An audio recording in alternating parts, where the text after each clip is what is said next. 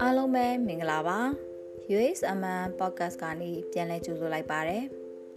ဒီအပတ်မှာတော့ mobile app design တစ်ခုပြုလုပ်တဲ့အခါမှာအရေးကြီးတဲ့အချက်တွေတဲကအဓိကစဉ်းစားသင့်တဲ့အချက်၃ချက်ကိုပြောပြပေးသွားမှာပဲဖြစ်ပါတယ်ပထမအဆုံးအချက်ကတော့ mobile app navigation မှာ mobile app ကိုအသုံးပြုတဲ့အခါ အတစ်ခုလုံးမှာအခက်ခဲတားဆီးမရှိဘဲအသုံးပြုနိုင်မှုဟာ user တယောက်ချင်းစီအတွက်အလွန်ကိုအရေးကြီးပါတယ်။ navigation ဟာအလိုယွန်းရှိပြီးဘယ်နေရာမှာပါရှိလဲဆိုတာကိုအလိုလိုသိနိုင်တဲ့ပုံစံမျိုးဖြစ်အောင်ပြုလုပ်သင့်ပါတယ်။တတိကျကျစဉ်းစားပြီးအကောင်းဆုံးပြုလုပ်ထားတဲ့ user experience အတစ်ခုဟာ user ကိုပိုပြီးဆွဲဆောင်နိုင်ပါတယ်။အမြဲလိုက်နာရမယ့် အဓိကနေရာမှာကတော့ navigation element တွေကိုအလွန်အကျွံ overload မဖြစ်စေဖို့ပါပဲအဲ့ဒါကတော့အကောင်းဆုံး UI UX design တစ်ထဲကတစ်ခုဖြစ်ပါတယ် user တွေဟာသင် app ကိုဘယ်လိုသုံးရမလဲစဉ်းစားစရာမလိုပဲပုံမှန်မြင်နေကြပုံစံကိုသုံးနေတယ်လို့ဖြစ်နေဖို့လိုအပ်ပါတယ်ဒုတိယအချက်ကတော့ typography in mobile app ပါ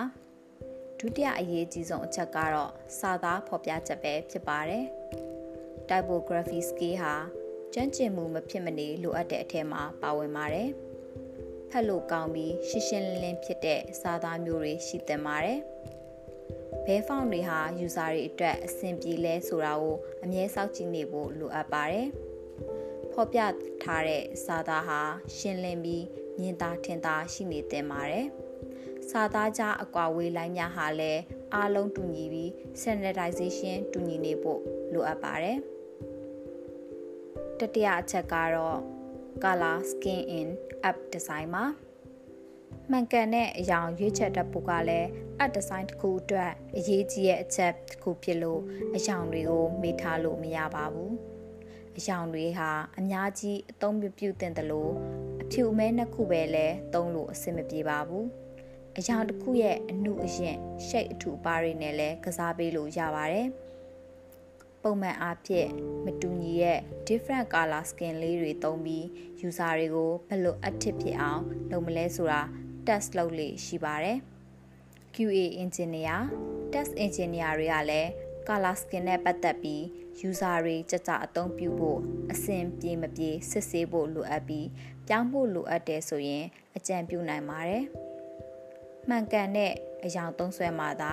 user ကိုကြာရှည်အသုံးပြုဖို့အတွက်ဆွဲဆောင်နိုင်မှာဖြစ်လို့ color skin ကလည်းအရေးကြီးတဲ့အချက်တစ်ခုပဲဖြစ်ပါတယ်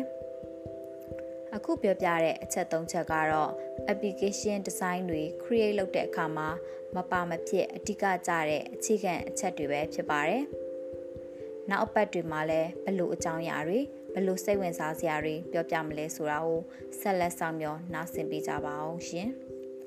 တခြားသိချင်တဲ့အကြောင်းအရာလေးရှိရင်လည်း USMM ရဲ့ Facebook page ကနေ request လုပ်လို့ရနိုင်ပါတယ်။ USMM ရဲ့ audio book လေးကိုနားဆင်ပေးရဲ့တူတယောက်ချင်းစီတိုင်းကိုကျေးဇူးအထူးတင်ရှိပါတယ်ရှင်။ UI UX design နဲ့ပတ်သက်တဲ့ knowledge တွေကိုအပတ်စဉ် share လုပ်ပေးသွားမှာမို့ USMM Facebook page လေးကို like နဲ့ CFL လေးလုပ်ထားဖို့မမိကြနဲ့နော်။